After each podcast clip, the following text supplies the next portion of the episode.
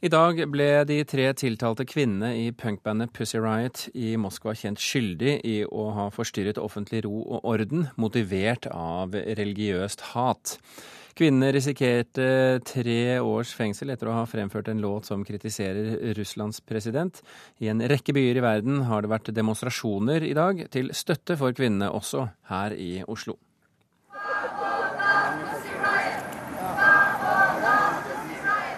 Flere titalls mennesker ropte om frihet for punkebandet Pussy Riot utenfor den russiske ambassaden i Oslo i dag.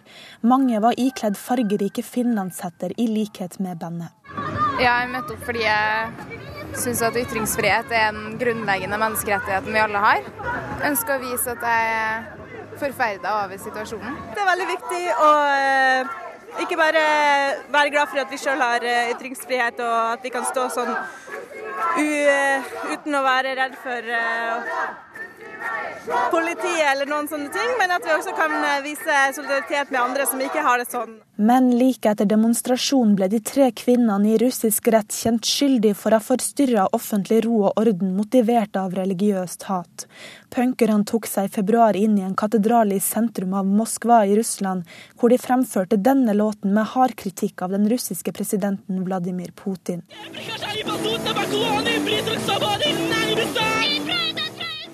Kvinnene har sittet varetektsfengsla før rettssaken starta i slutten av juli. Over hele verden viste demonstranter sin støtte til kvinnene i dag, i regi av menneskerettighetsorganisasjonen Amnesty. Barcelona, Beograd, Berlin, Brighton, Brisbane, Brussel, Budapest, i Oslo prøvde generalsekretær i Amnesty Norge Jon Peder Egenes å få noen i den russiske ambassaden til å komme ut og hente over 12 000 underskrifter samla inn til støtte for kvinnene.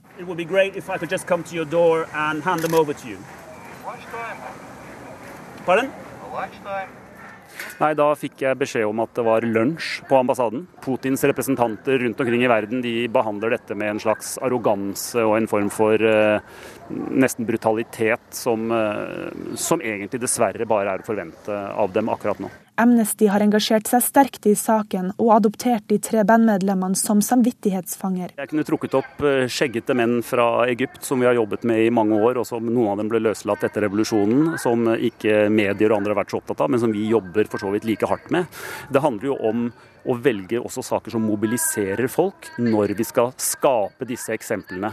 Så, så, jeg påstår at vi jobber ikke spesielt hardt med denne, men vi utnytter den muligheten som denne oppmerksomheten gir. Like før klokka fire i dag norsk tid falt dommen. De tre kvinnene i Pussy Riot dømmes til to års fengsel hver. Den russiske rettssalen var fylt til randen, og mer enn 500 mennesker fulgte med da dommen ble lest opp. Egenes lover likevel at Amnesty vil fortsette arbeidet for frihet for Pussy Riot. Vi skal forsøke å skape så mye oppmerksomhet omkring denne saken at det blir umulig å ikke løslate dem før tida, og at det blir umulig å arrestere aktivister fra Pussy Riot eller Vanya, som er et annet kunstnerkollektiv, eller vanlige demonstranter, for på fredelig vis å gi uttrykk for sine meninger i Russland. Reporter i denne saken, det var Hege Valenius. Julie Wilhelmsen, forsker ved Norsk utenrikspolitisk institutt. Hvorfor provoserer Pussy Riot så mye i Russland? Ja, nå tror jeg først og fremst det provoserer fordi at det blir eh, en så stor eh, sak eh, ut av det. Og så er det vel ulike grunner til at det provoserer hvis du ser på ulike personer. Altså For regimet selv så provoserer jo all opposisjon eh, mot eh, regimet. Eh, og det som er nytt med denne type mm, Opposisjonsmarkering er jo nettopp at den også trekker inn russisk-ortodokse kirke.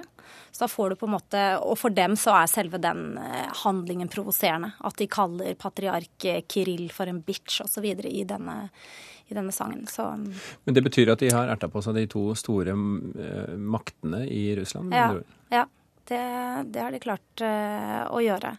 Også Men er, er, er vanlige folk provosert av det Pussy Riot driver med? Altså Vanlige folk i Russland eh, er nok ofte provosert av eh, alt som skaper uorden. Altså man, sånn at det faller på en måte inn i et mønster at veldig mye av det vi ser på som en veldig hard hånd fra regimet mot opposisjon og frie ytringer, for mange russere ses på som en god, ser de på som en god ting. Betyr det at de strengt tatt ikke har så veldig mye støtte?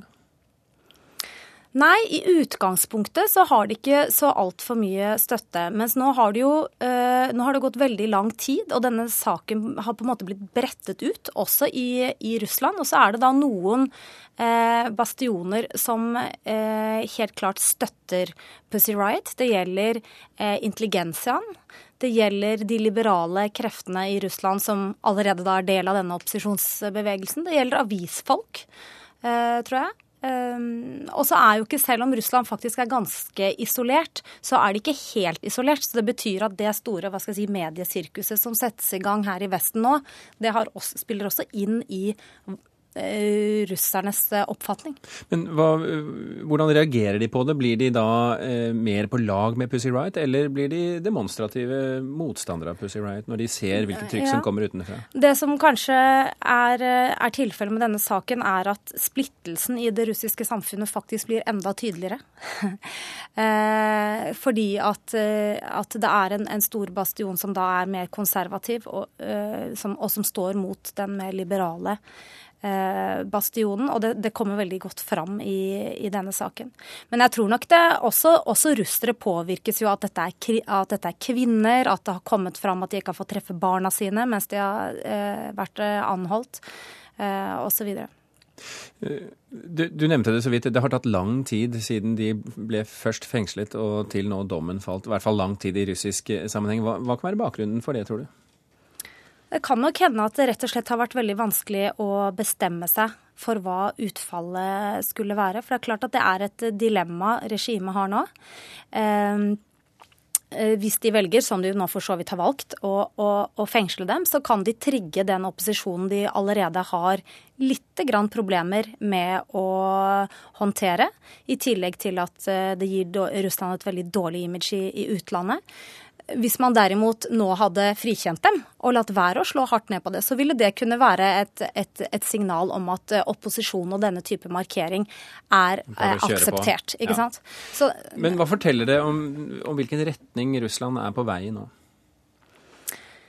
Eh, nei, det er bare en konstatering av den retningen vi har sett veldig veldig klart, eh, syns jeg egentlig over mange år. Og, men kanskje spesielt siden Putin ble valgt som president igjen eh, nå i vår, hvor vi har sett flere eh, hva skal jeg si, ikke-liberale lover som har blitt dyttet gjennom Dumaen, og som knebler på en måte opposisjonen.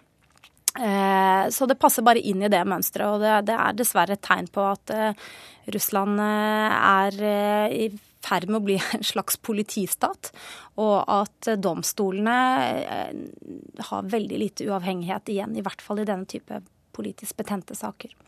Julie Wilhelmsen fra NUPI, tusen hjertelig takk for at du kunne komme til Kulturnytt.